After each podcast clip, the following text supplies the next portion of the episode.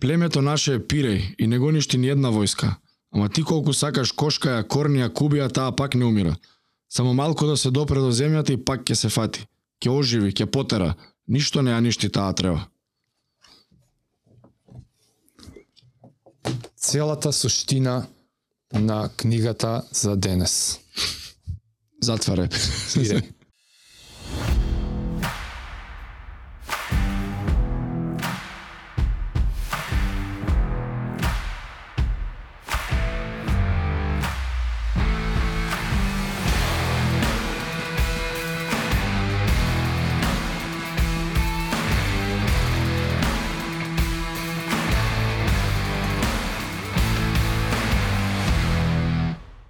Дизајни на мајци. Некаде тука на екран ќе ги видите. Не изгледам како глуп, кај се не знам појм, немам појма. Дизајнот ќе оди напред на маичката, нашето лого ќе оди под вратот. Маичките одат доста добро и за таа цел се договоривме да воведуваме нови дизајни од време на време. Нов дизајн и новитет оваа недела е секогаш спремен.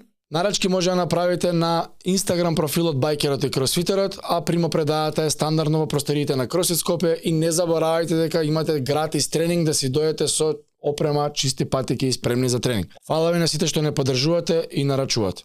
Ја прочита. Да. И сега прво, што Први. сакав да ти кажам, Први импресии. не, да ти се заблагодарам што ми ја даде оваа книга. Сега ќе ти кажам и зошто на кратко. А, како растам, стареам, созревам, како сакаш наречи го. Јас сум иначе по потекло од Србија, Србин, роден во Македонија. Јас сум прва генерација родена во Македонија од моја фамилија. И основно средно јас сум се прокламирал како Србин, у тој некој филм сум бил Србија, Мрбија, ово, она, Македонија не чини глупости. Како растам, созревам, нели, стареам више на 30 години, се поише Македонија ми е у срцето и се поише ја сакам Македонија и тоа ми е земјата моја, татковината ми е, таа ми е мајката уствари. Ја џабе ми е мене потеклото од Србија, кога оваа земја мене ми дала све. Иако многу луѓе не убаво зборат, ама едноставно тука сум се родил, тука сум учел школа, сум го учел македонското писмо, јазик, литература, иако не сум бил добар ученик, сега треба да ги читам овие работи. Али не е ни важно. А, Македонија е мојата земја. Јас се прокламирам како македонец и све што се случува и ме боли и еден другар мој што е влав вика ти си многу поголем македонец од многу македонци што ги познав. Вика А, како се нервираш и те дразнат работи за Македонија и срцето те боли, многу поише ти е стало него вика што се родени македонци од Македонија со македонски родители и потекло. И тоа вајде е некој најголем показател, не знам, едноставно така се осеќам, не знам. И све што се случува ме боли, не ми е sejedno. И фала ти што ја прочи, што ме натера да прочитам, што е хард копи, нема не на англиски нигде, нема аудио. И морав ритуал да направам за да ја читам. Го направи фул, а?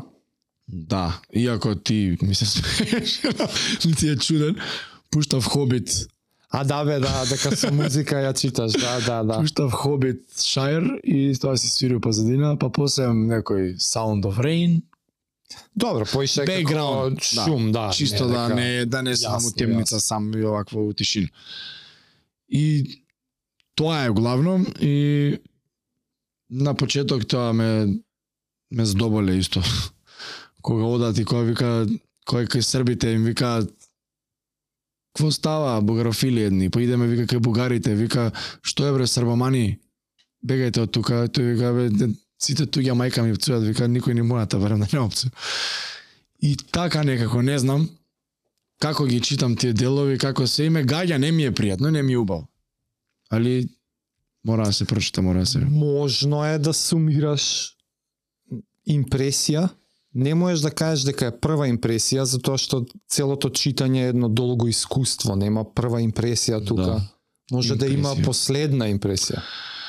Дека за жал сме на истото место кај што сме пред 100 години, само не имаме инфраструктура подобра, скитаме, лутаме со некоја пауза од 40 години у Југославија и сумирањето ми е дека никад сме немале добри лидери во оваа земја, да не носат сами, самостојни како земја да да станеме нешто, иако имаме квалитетни луѓе и квалитетен народ у тоа сега сваќам зошто родителите наши луѓе од тоа време Југославија, Југославија, Југославија, социјализмот, социјализмот, социјализмот. Сега сваќам зашо. Ми е конечно јасно. Сум викал луѓе социјализам, како немаш бизнис да почнеш, немаш. Не, не, не, како живеевме ние Југославија, два пати на одмор, ова, секој имаше, сите има. Да, зашо некој друг ти мислел. Што имал Тито, што била Југославија, и си бил дел од нешто и сега го сваќам тоа, конечно у животот, зашто Југославија била за македонците најубавиот период у животот, што имале среќа тие да живеат балемо тие 30-40 години, дор траела таа убава, убав период. У мир, квалитетен лидер, инфраструктура, фабрики, функционалност, одмори, се е твое, Хрватска, Србија, Словенија, буквално лето, зимо, се тие на дофат, немаш граници, немаш ништо, братски народи се сите, се сакаат стичен јазик зборат, сега ми е конечно јасно. Што од кога сме самосталени назад, односно предходно не сме ни биле, нели пак не кошкале А, кој стигне. Дали бугари, дали срби, дали овој, дали оној. И нема лидер, нема лидер во земја. Нема еден да излези да повлече, да да ја однесе кај што треба, ништо полоши не сме од другите. м, Словенија е помала, Црна Гора е помала. да. Ај Црна Гора, мање више, не знам кој е подобра од тие, која е подобра земја, која е подобра позиција, ама Словенија, Ама не што ќе кажат, помала земја. знаат е- кои се. Да. Си имаат нека определба. Ние сме уште ама имаат- во определбата. И па зашо? Е, па зашто? И од кога? Е, зашто? 500 години турци, после Ама интересно бугари. како тебе, значи, натака малце те, те навела книгава да размислуваш така историски. М. Сега ми се јасни некои работи, зашто конечно. Е, ама тоа, тоа е дефинитивно очекуван ефект. Значи, уште кога ти ја дав, знаев дека у некој момент, кога ќе разговараме, ќе ја кажеш таа реченица. Сега ми се некои работи појасни. Мене тоа ми е една од, од магиите на оваа книга. Што не можеш да останеш рамнодушен и не може да, да не ти помогне да ти клапнат некои коцки. Не Да. може да ја прочиташ пиреј и да не ти станат некои работи појасни. А толку многу работи стануваат појасни. И сега тука е надале анализата. Ја имам така некој конкретен концепт да ја некако Обработив. обработам книгава, ама како сакаш ти? Па добро е, книгата раскажува едно действие од Прва светска војна кај што не шуткаат вамо таму, кај што македонец пука на македонецот не знаејки. Те земале бугарите, се тепаш за бугарите, се те земале србите, се тепаш за србите. Едно семејство следи Јони Велика, нели? Да. и нивната трагична приказна и овој го зимаат во војна. Оваа седи со пет деца, се случува трагедија или оној сонот што ќе го има на почетокот, водата што ќе ги удави децата и така натаму и како ќе зема маж војник, а маж ми не е војник. Но потоа вика стана некои работи јасни. Да, да, изгледа треба да даеме онакво uh, дисклеймер.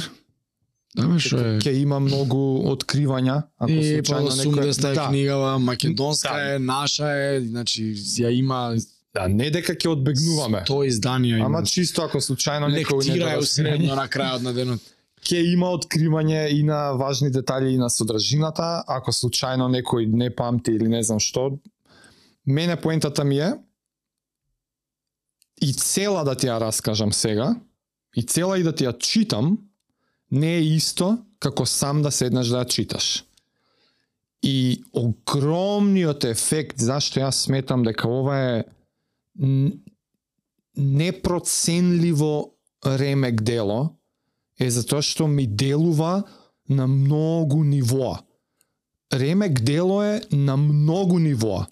Ремек дела е чисто литературно, технички. Технички, систематски, технички, како е пишувано. Да, упонови изданија Венко Андоновски мислам го обработува Како е форматирано, да. каква е структура на реченицата, как, каков избор на речник има користено Петре која ја пишувал, како решава Демир Хисар, зошто, па машки одел, женски одел, Е, да така. сватиш дека си у жената омажа, нели, да, како Велика. ја решава прика значи Едната страна на другата страна. на литературно ниво е ремек дело. Да, да. На ама нај нај ненормалниот ефект е тоа со менување на перспективата. И Да. ум- уметноста и гениалноста на Петрема, е начинот на кој што пишува од читателот со апсолутно нула труд ќе го направи да го става во различни перспективи без ти воопшто да се потруди. Ти како читател читаш и едноставно магично се пронаоѓаш дека си сега Јон. Да, да, да. Во два различни пола. Како ја вртиш страната ти у истиот момент си сега велика. Филмот на Велика. Како да. ја вртиш страната сега си детето Јон. Како ја вртиш Да. страната сега си е, роден синот на Велика. Значи други книги кога го бараат тоа од читателот, го прават со припрема. Знаеш, има опис на сцената, има опис на контекстот, дали преку некои акции на на карактерот ќе сака полека да те знаеш да те измасира како читател за Те припрем. за да успее да те стави во перспективата на тој карактер за да проба да ти дојде. Ова Не ти ни кажу. И- Само ти и, и ти како читател не вложуваш труд, еј чекај сега дај да размислам, аха сега Јон раскажува, е пај да пробам да се замислам како е. Не, ти читаш и у истиот момент само се пронаоѓаш и тоа е една од од нај е, гениалните ствари, значи ненормално нешто. А зашто ми е тоа толку важно? Затоа што е едно од оние заборавени знаења. Вид на знаење што го имаме забораено дека може да постои. Тоа што го зборевме на епизода, перспективно знаење. Да имаш, и тоа е неописливо, нема ја не можам да напишам сега што сум дознал кога сум станал во, во мојот мозок Јон, ама едноставно сега го познавам Јон. Да. Го имам искусено и него и велика и сите, ама нема формули за тоа, ама го имам тоа како знаење во себе. И тоа перспективно знаење, го зборевме, не знам на која епизода беше Религија за спорт. дека е како из, изгубена вештина у современо општество. А толку толку помага за да ти се некои ствари појасни, кој што кажа ти. И сега ја имам една идеја за чисто како е поставена на почеток, како е колку интересно е рамката на на раскажувањето поставена. Ајде. И, и само ќе ја почнам, значи првите едно или две поглавја е дека почнува скоро како филм.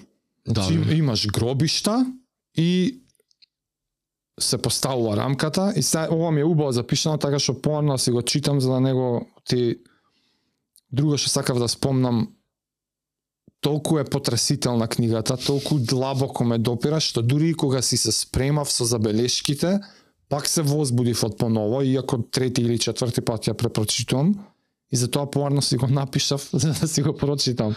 А дојдеше на велика дел од паника.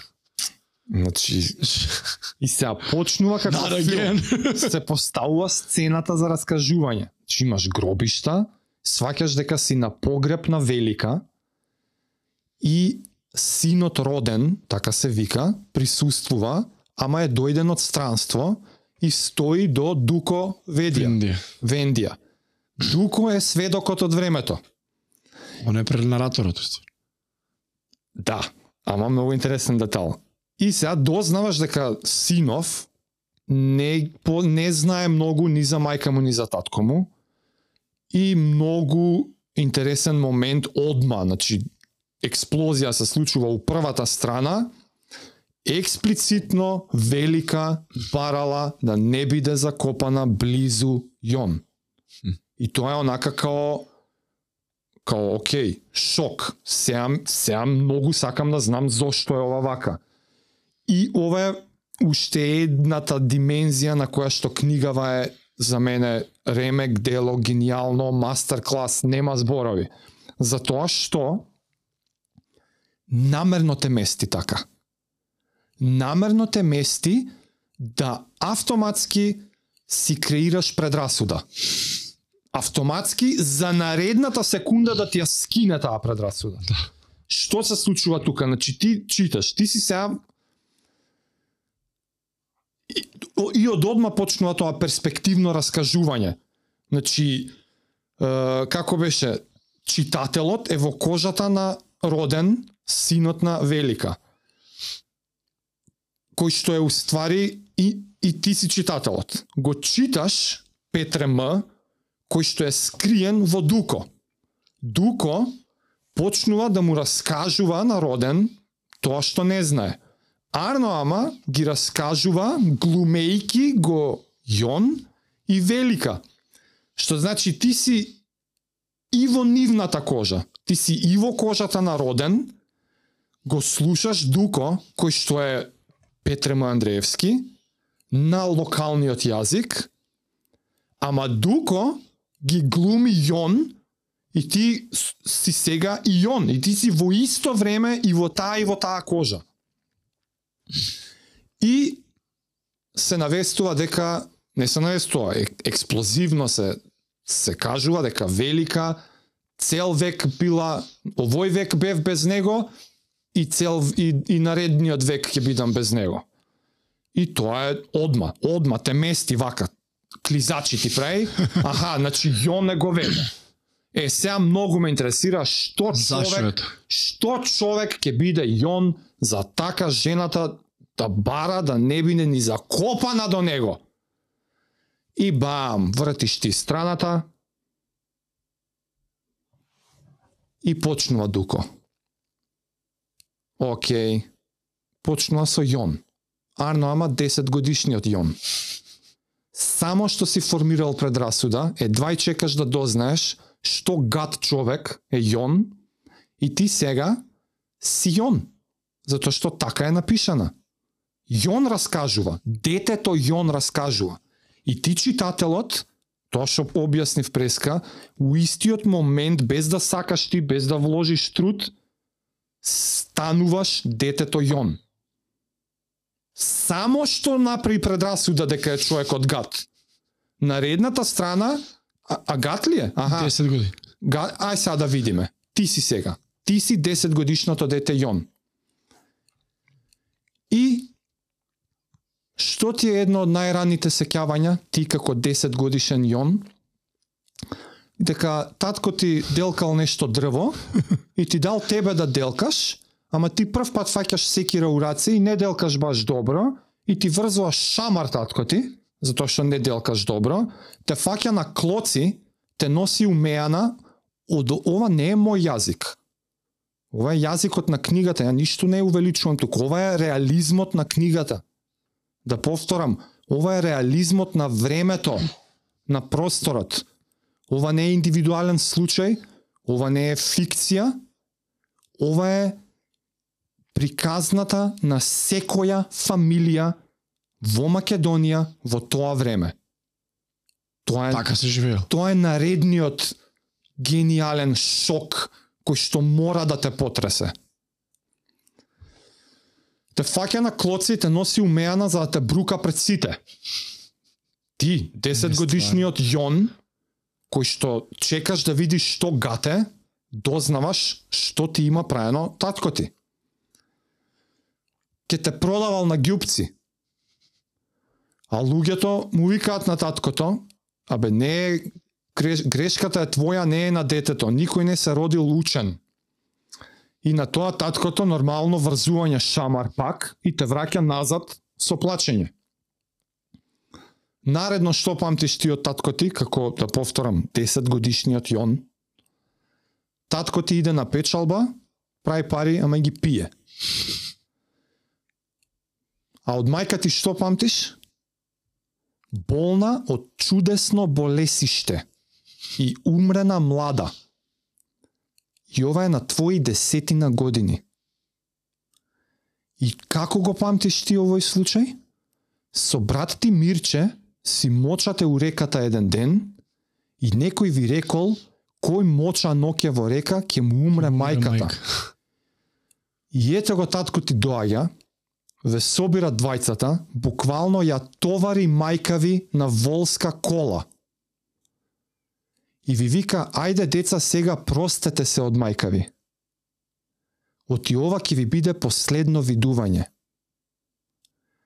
Ја гледате така мајка ти неподвижна, не може да збори, а ве гледа и плаче, подуена во лицето од болеста, пробува нешто да се мрдне, да стане, да те баци, плачете, ти, брат ти Мирче, десетина години, и ве исфрла таткови од кола. Толку се поздрави од мајка ти, и така таткови ја вратил од кај што била земена. Со зборовите, мене не ми треба болен човек дома. И ја оставил и си умрела жената. И тебе ти текнува на мочањето у реката. Ти си 10 години. Што прави наредно татко ти? Те остава со брати кај калугерите. А он си оди и не му знаеш веќе ни трага. Толку, жив, прав, здрав човек. Те остава и пријатно. У манастир без ништо. И три години така, ти си сега 13 годишно дете, Јон, говедото, што чекаме да видиме што има направено за Велика да го мрази. И вие таму се шуњате, у манастир помагате, чепкате колку за леп, ама сте срекни и благодарни што има леп и што по пат и писмо учите. И така три години, кога еден ден у манастирот доаѓаат тројца комити, го фаќаат отец Висарион, кој што е најблиското нешто до татко што си го имал, затоа што те гледал у манастир, и со нож му ја сечат брадата пред сите, и деца и светци. Да повторам, ти си 13 годишно дете, без родители. Го водат надвор отец, и на одење те зимаат и тебе, и ти викаат подај ми го ножот. И ти си дете и го зимаш и им го подаваш. А комитата зима ножот и брцање под гуша на отецот. Предавник беше. Квоут. Отец Висарион се заниша кркорејки и откако падна на земја почна да клоца со нозете како обеспрашена пеперуга. Ова е јазикот на кој што сликовито се опишува сцената, додека ти го живееш животот на 13 годишното дете. Дори ја читаш ова, ова урок од две страни се дешава. Ти можеш да замислиш кој ја сега се возбудувам што се навраќам само тоа. тоа е сеа врати ми го ножот, ти вика војводата. Ножот кој што е збрцан у отецот, и ти, 13 годишно дете без родители, клекнуваш, се подпираш со колена на градите на отецот и со две раце го вадиш ножот. Со топла дршка и леплива крв. И овие ти викаат, пред да преминам што викаат, само тука он пате увалува на предрасуда. Што имаат сега комитиве да го колат овој? да колат у манастир? Нели, нели знаеме убави работи за комитите? Што се дешава? Што се дешава? Ние двајца убивме еден доушник. Издајца. Да, Mindfuck. Значи, се овој отец, ама бил предавник, и толку е, нема разглабање на приказната, друже, толку е бе. И ти си детето што тоа го живее. Значи, те гледал од една страна, ама бил предавник. комитиве биле добри, ама доаѓаат и ти го колјат таткото. Најблиското нешто до татко. И тоа го колјат пред тебе со твоја помош. И ти викаат, ние двајца убивме еден предавник и сега и ти можеш да дојдеш со нас. Подобро да дојдеш отколку да останеш. И ти си кјутиш и си тргнуваш со нив. У шума. И што е последното нешто што го слушаш од војводата? Сега е најблиску до Бога ова Божјо копиле. Ова е у првите неколку страни. И нема продолжам понатако, ти сериозно се возбудувам, Нек се чита. ама динамиката на романот продолжува, ќе повторам, од Дуко ја раскажува приказната во глумејки го Јон едно поглавје, глумејки ја Велика. И ти од секое поглавје, од едно во друго, ти се случува ваков шок, ваков свич на контекст, вакво доживување. И ова е не можам, ја, ја не можам да доловам со зборови на колку многу нивоа ме допира гениално, маестрално, не, не да ми стануваат појасни работите, па нема да се нема да се дрзнам да осудам веќе ништо никогаш. Тоа после две-три поглавја е полабаво, дор се упознава, дор си копа пред војните. Ка, како да осудиш ти сега некој? Како да осудиш? И чисто да дадам една временска рамка. Роден, на кој што му ја раскажуваат оваа приказна, е твојот прадедо. Да. Меѓу војните е, мислам. Твојот, мојот, нашиот. Реален, вистиски, историски факт. Не роман. Ова е слика на секоја фамилија во Македонија Мање више. од кој знае кога, ама баш ова дејство е од Балкански војни, Прва светска, Втора светска.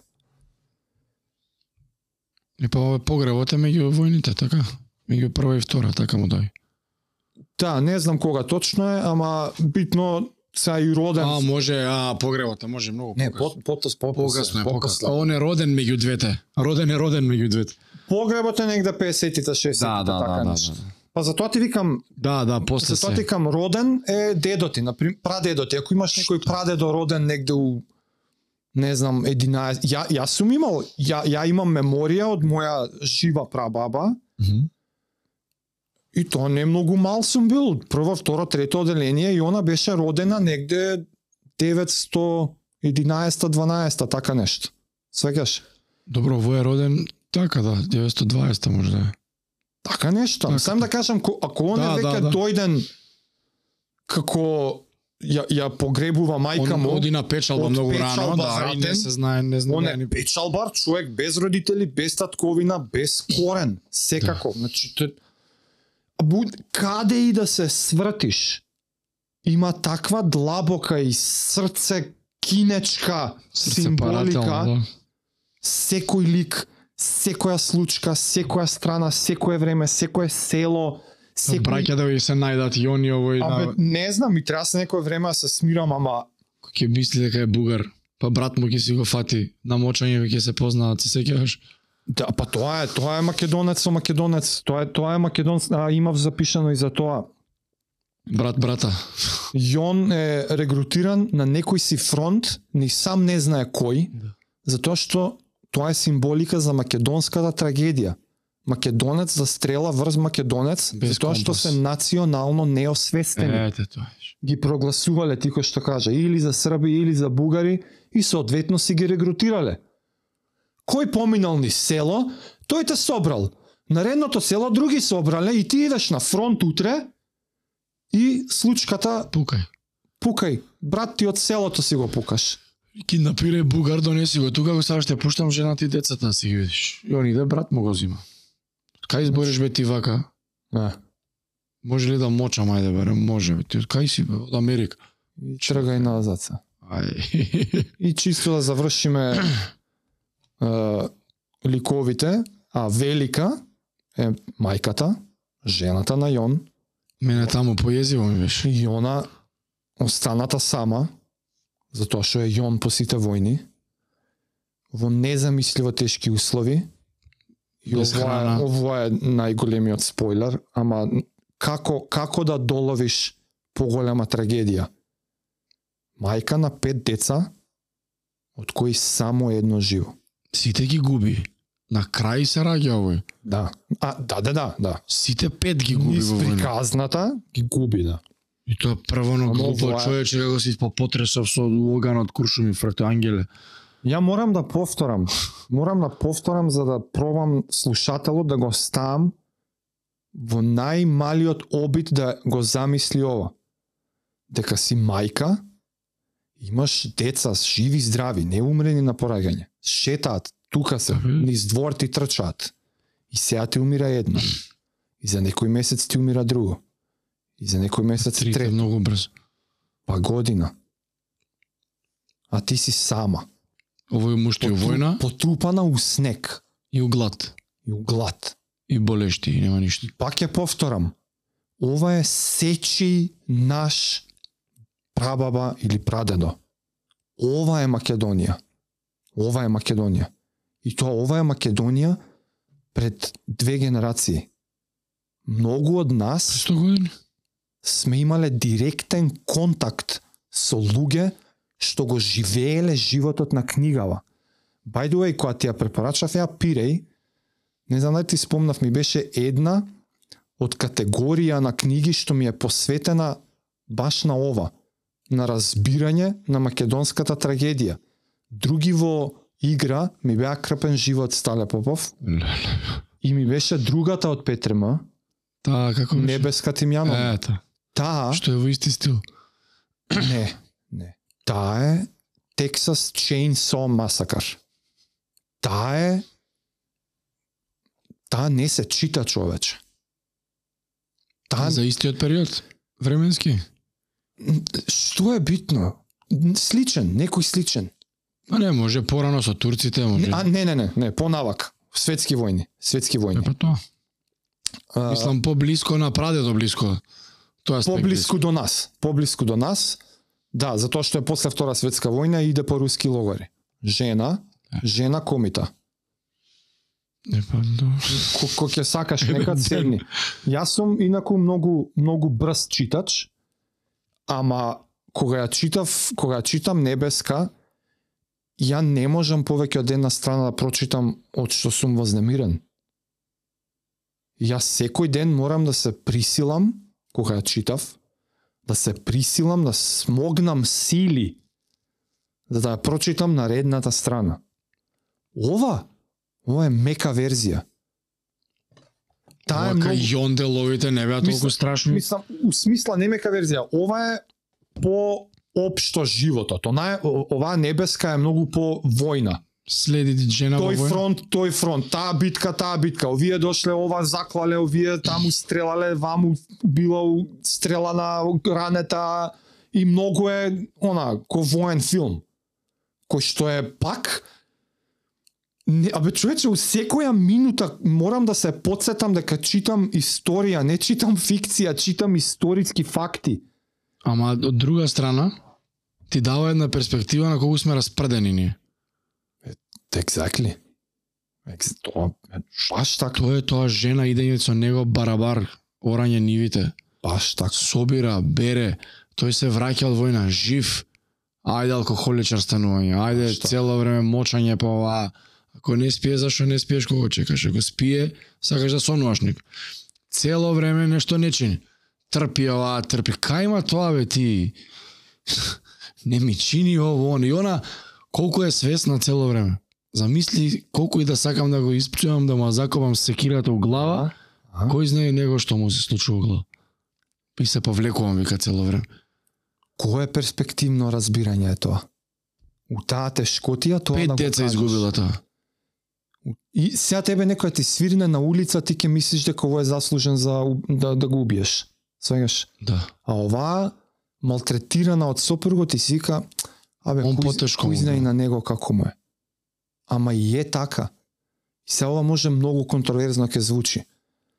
Ама е, тоа било еднаквост. Тоа е еднаквост. Маш и жена. Тоа се еднакви луѓе. Ставени во незамисливо тешки животни услови и праиш што праиш Снаоѓај се ти ќе се снаоѓаме на, во во у, со своите најдобри сили што можеш за да преживееш заедно. Оти сам не преживуваш. Нема јадење, умира едно дете, иде го погребува второто. Оваа улја и вика не плачи тамо, три деца имаш назад. А оваа второ погребува човек. И вика плачам и идам и плачам и идам. И се враќа назад и не се сеќавам и ме држи, и ме прави си ги ранам другите деца, ајде и второто. Чекај, чекај, кам како Не можеш да го како како лабаво е. не може да го дозакопа човече. Да, ајде побрзо што три деца имаш, да ме децава сами. Оди ти чуја, бе. Како децава тебе тебе? Ја, што кур се деша, што е ова, бе? Замисли. И више го фаќа патернот. Третото вика, мамо го гледам тоа. Ла, не викам not again, човек. Знае, месец дена унапред знае дека и не- и hopeless, безнадежно е. Нула бодова, ништо немаш. Знае дека ќе умре човече Да. и безнадежно е. Да. И ова е баба ти. Не е ова измислено пред наша ера у Јужна Америка. Ова е баба ти, сваќаш? Демир Хисар, твојата држава. Баба ти. Жена што после ја воспитала мајка ти. Да, За сега ти да имаш подкаст. да.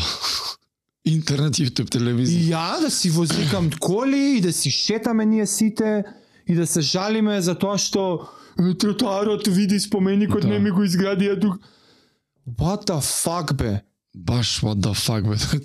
Мене тоа ми прави о, е, една од и знаеш пробував да разберам знаеш беше делу средно.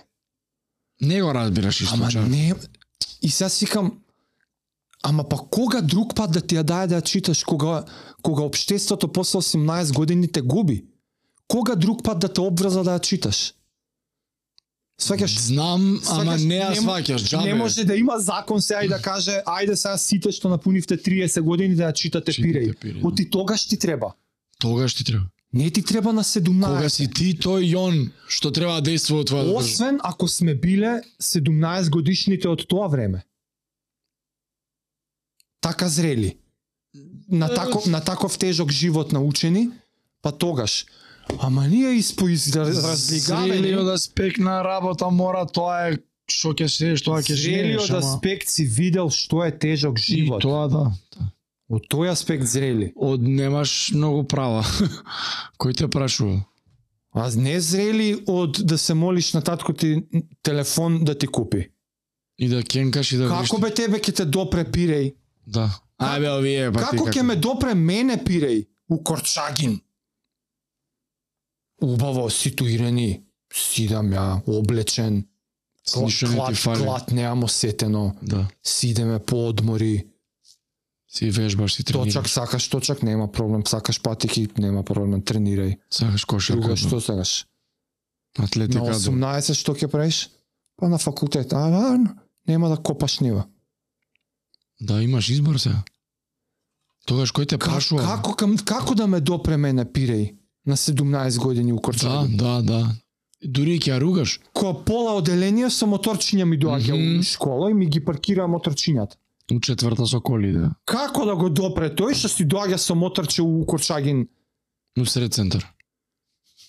И тоа не е критика а, до, до децата, Не, да. едноставно размислувајки дојдов до тој заклучок Види, Тоа фала не- Богу што нема може друго, да дое со да. моторче до Корчагин у сред центар. Не, у смисла, треба да у смисла нема друго, јеби ga тоа е. Некад мора да ја присилиме на цело општество книгава некој да ја прочита. Немаме кога освен у средно.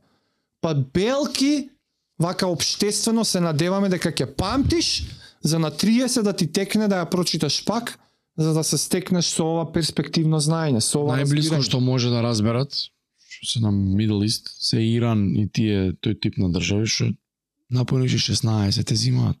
Тоа е. Сред војна. Ирак Иран кога биле 16 годишни 14 сте. Напојни се 14 држава да те зима и ти да се Пушка бориш во рак. војната и веројатно ќе умреш Ај, се 99%. И тоа е у 70 и у 79 година. И многу, многу ме израдува сега што уште на почеток така ја отвори епизодата дека ти, како рече, ти помогна да разбереш некои работи. Да. Зашто таа проклета Југославија кога и тогаш имало голи оток, и тогаш имало ако усереш ќе го јадеш и тоа било на некој начин диктатура. И и луѓе и не живееле ни сјајно ни тогаш некои луѓе. Сега шансите што ги имаш, споредбено со тогаш, можностите нереално, ама пак луѓето за тоа копнеат. Зашто? Имало лидер мочан што ќе да води државата и ќе ти мисли за тебе.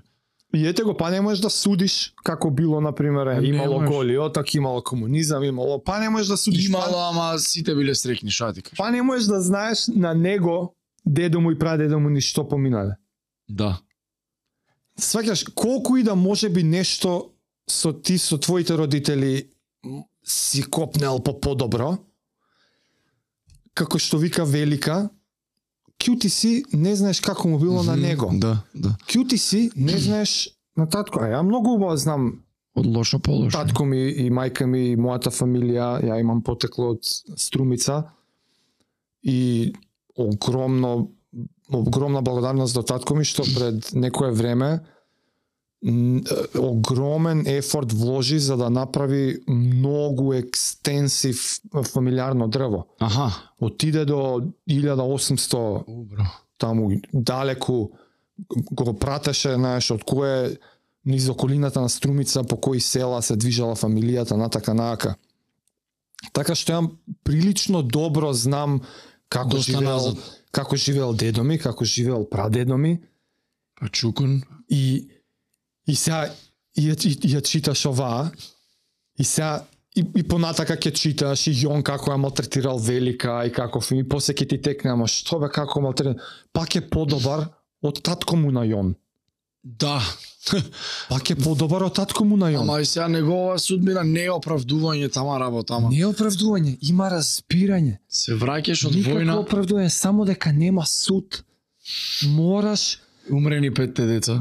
Мораш да се научиш да оформуваш ставови, дуални ставови. М, мора да немо да да видиш дека можеш да имаш став кој што се содржи од две спротиставени страни, дека не мора да бираш.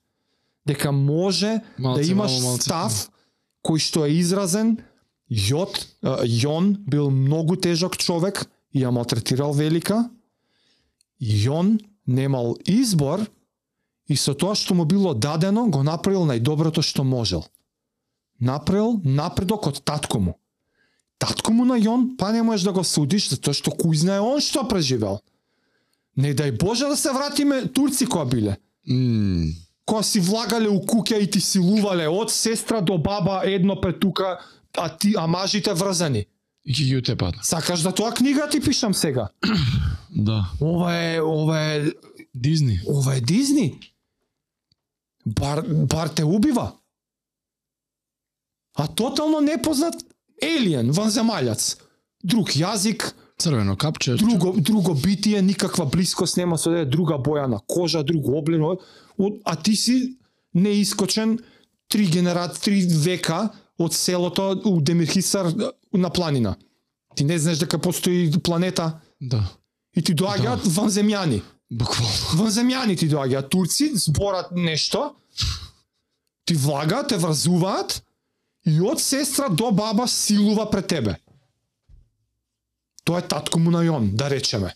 И остануваат трудни и раѓа. Како да се осмелиш да судиш? Не.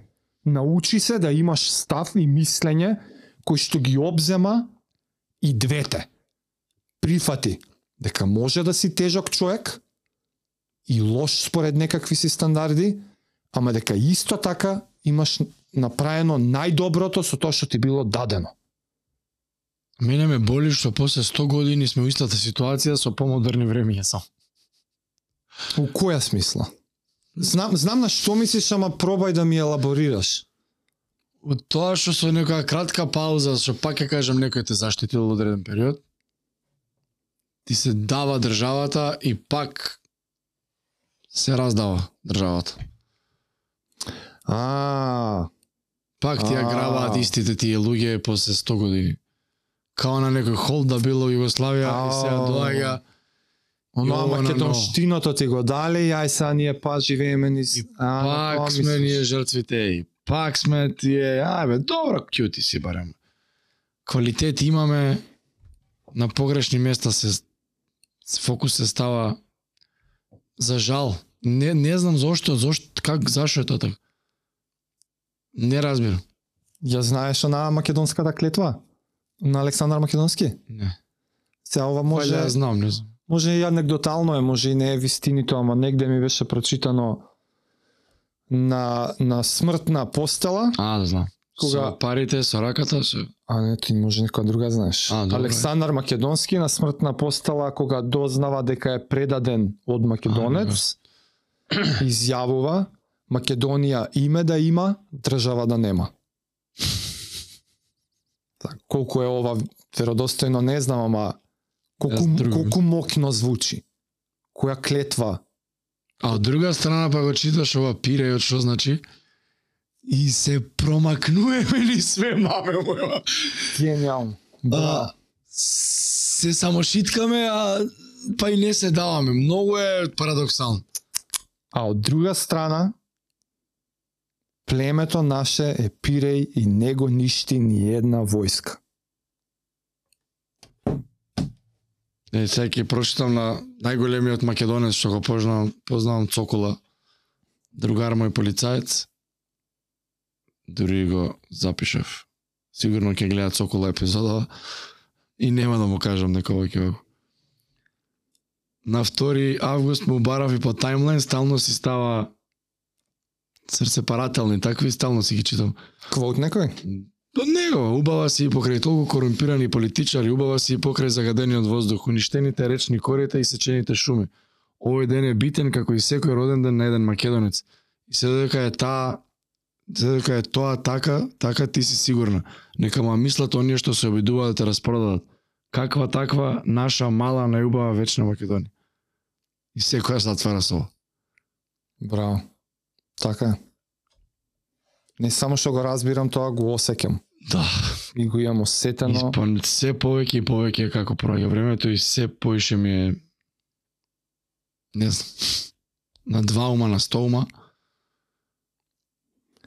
Тоа се тоа се тие моменти што не се опишуваат со зборови, ама и една, криво исто време, а ќе видиш па некој може, викаш па ние можеме бе, чекај бе малце.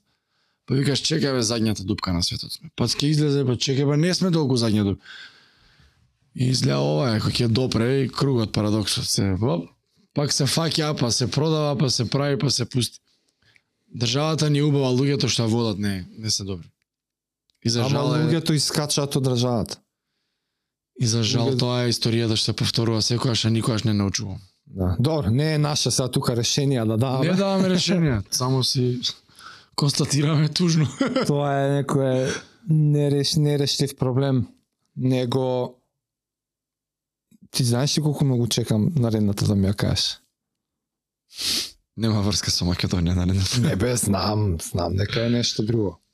Наредната ќе се вратам на, на аудио, не можам, немам време ова да го правам. Многу ми беше тешко да читам. А бе, знам дека ќе направиш, затоа викам, од- чекам А. да видам што ќе биде А, скршнувањето. Power versus Force. Не, ја не знам. Сега ќе ти кажам и зошто таа ставив. Power versus Force. Ако пишам само така ќе искочи. Е, е. Ја више Ти ја знаеш одамна или? Дейвид Р. Хокинс, Да, uh, психолог. да. Hidden Determinants of Human Behavior. Uh, Мисли, нема да кажеме, добре. Значи нешто психологија. Да, Патрик Б. Дейвид, мојот виртуелен ментор, Од него ли ти е? 4 години на репиту кола ја слушал.